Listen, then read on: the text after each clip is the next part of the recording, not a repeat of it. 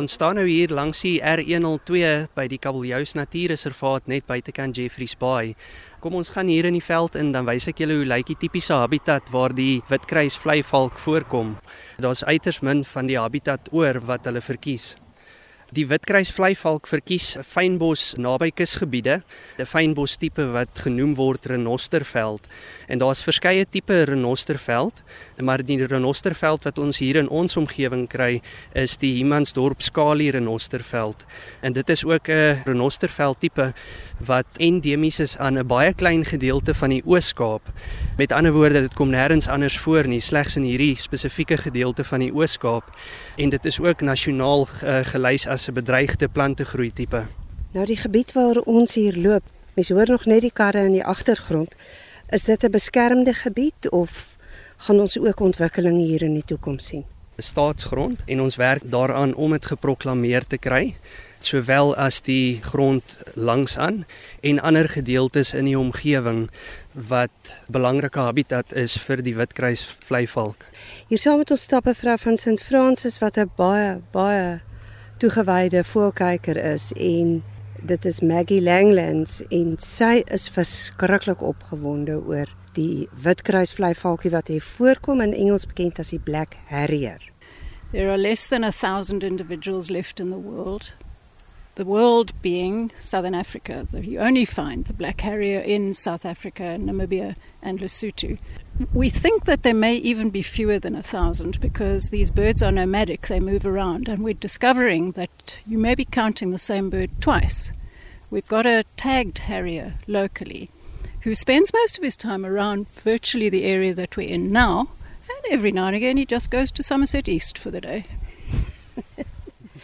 Het nou gehoor wat sê Maggie, um, en julle is nou nog in die proses om dit geproklaameer te kry.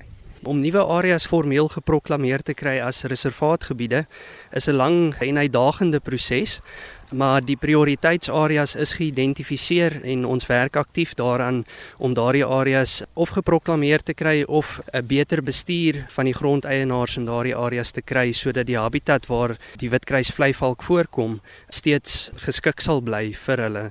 Daar's baie min van hulle habitat oor en meeste van die areas waar hulle natuurlik voorgekom het, die habitat is reeds vernietig daar. Meeste van dit is as gevolg maar van landbou praktyke. Meeste van die habitat waar hulle voorgekom het is omgeploeg en aangeplant in ons omgewing. Is uh, dit maar hoofsaaklik melkplase wat nou aangeplante weiding is waar hulle habitat eens was. Wat maak die witkruis vleivalk of die black harrier soos hy vir die meeste mense bekend staan Wat maak die voël so spesiaal? Eerstens die feit dat hy internasionaal gelys is as 'n bedreigde spesies en hy's ook een van die skaarsste roofvoëlspesies of jagvoëlspesies wat endemies is aan Suider-Afrika. En die witkruisvleivalk is ook 'n top roofvoël in die ekosisteem, so hy vervul 'n baie belangrike rol in die ekologie van uh, hierdie natuurlike stelsel wat ons hier vind. Wat nou vir my interessant is, hierdie is staatsgrond En om dit te beskryf, ons het nou al verby die guarri, die katdoring. Hier is sulke bordjies opgesit seker deur die lede van die Kabeljous Reserve Action Group. En ek het nou agtergekom, ons stap verby verskriklik baie verskillende wag wat staan op hierdie ene. Hierso staan rank safraan en daar staan gewone pengdoring en soos omtrent elke tree wat jy gee as jy by 'n ander bossie of 'n ander plant So dit is baie biodivers. Ja, hierdie omgewings is veral besonder biodivers, veral as ons nou hier bietjie hoër opgaan by die koppie waar die meer suiwer renosterveld begin. Soos ek vroeër gesê het, daardie renosterveld tipe kom slegs in 'n baie baie klein gedeelte van die Oos-Kaap voor en nêrens anders ter wêreld nie. En omdat dit so eh, die verspreiding van daai habitat tipe so beperk is, word daar heelwat unieke en baie skaars spesies geassosieer met daardie plantegroei tipe. Die witkruisvleivalk maak gewoonlik jag op 'n verskeidenheid van knaagdiertjies wat ons in die fynbos kry, muise en ensovoorts. Die witkruis vleival kom net voor daar waar sy kos nog is. Dis reg, daar waar sy kos nog is, maar nie net dit nie. Die witkruisvleivalk is baie habitat spesifiek.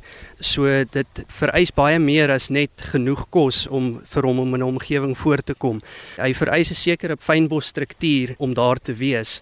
Hy maak byvoorbeeld nes op die grond dit maak hom natuurlik baie weerloos. So hy 'n sekere mate van plantegroei bedekking nodig om sy nes goed te kan wegsteek en dan ook die jagmetode wat die witkruisvleivalk aanwend om uh, knaagdiere te vang is ook van so 'n aard dat hy maak basies gebruik van die element van verrassing om die knaagdiere te vang.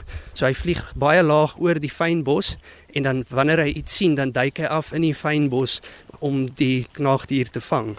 So ons staan nou hier in tipiese renosterveld. Ek sien hier's 'n voetpaadjie, maar die veld word glad nie bewerk nie. In hierdie omgewing waar ons nou is, word die veld glad nie benut vir landboudoeleindes nie. Hierdie is 'n bewaararea wat ons in die proses is om geprobeer geproklaameer te kry as 'n formele natuurreservaat. Hierdie is een van die min veilige areas wat black harriers nog kan voortgaan om te leef soos hulle geskape is om te leef. Die renosterveld van hier waar ons nou staan strek verder na eh, tot by Gamtoos rivier. Daar's 'n redelike groot gedeelte uh, wat nog oor is, maar die gedeelte waar ons nou staan wat basies tussen Gamtoos en Kabeljous rivier strek, is van die laaste Humansdorp skalie renosterveld wat daar oor is in die wêreld. Daar is nog klein gedeeltetjies wat geïsoleerde kolletjies hier en daar wat oor is op plase en hier en daar is daar gedeeltes wat nog bietjie groter is, maar oor die algemeen is hierdie gedeelte waar ons nou is die grootste en beste oorblywende gedeelte van Humansdorp skalie renosterveld wat oor is. En hier staan ons juis langs hier in Osterbos. Um wat Maggie nou vroeër ook uh, gesê het en ek kan sien wat sy hier staan en brand om te sê is dat private grondeienaars moet maar ook dink aan die habitat van die witkruis vleivalk die black harrier. Yes, most certainly. This bird can go extinct within 75 years. And that is a terrifying thought. Private landowners are key to protecting the habitat. And it doesn't have to be left wild, it can be farmed. It just needs to be farmed in a particular way. And that's what Wenzel's all about, is helping people to know just how to do that. In Wenzel jy het vir my gesê die grootste wat hulle noem die Black Harrier roosting place, die grootste uh, versamel slaapnes van die witkruis vleivalk is juis op private grond. Dis korrek ja, die wat ons noem die roost area is basies waar hulle laatmiddag bymekaar kom om dan daar te oornag. En dit is op privaat grond en uh dit dit is uiters belangrik dat daardie area reg bestuur word soos Maggie vroeër gesê het dat dit op 'n spesifieke manier bestuur word. Dit beteken nie die area kan glad nie benut word vir landboudoeleindes nie. Dit beteken slegs dat dit moet op 'n sekere manier bestuur word sodat die landbouaktiwiteite versoenbaar is met die bewaring van die witkruis vleivalk jy in die groter kromme, hulle noem dit die groter kromme stewardship, dis basies rentmeesterskap van die grond wat onder julle sorg is. Kry julle goeie samewerking van die private grondeienaars? Ja, die Greater Kromme Stewardship program is basies om grondeienaars te help en aan te moedig om rentmeesterskap te vat vir hulle grond en die biodiversiteit op hulle grond.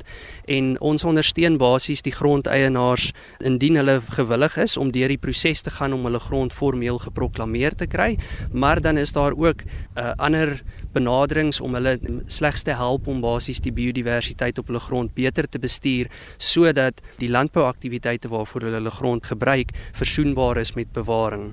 'n Biodiversiteit klink altyd so asof 'n private grondeienaar dan van sy kommersieel aktiewe grond moet afstaan, maar nou het ek al gehoor dat hoe meer biodiversiteit jy naby jou landbouaktiwiteit het, hoe gesonder gaan dit met jou gewasse en jou vee.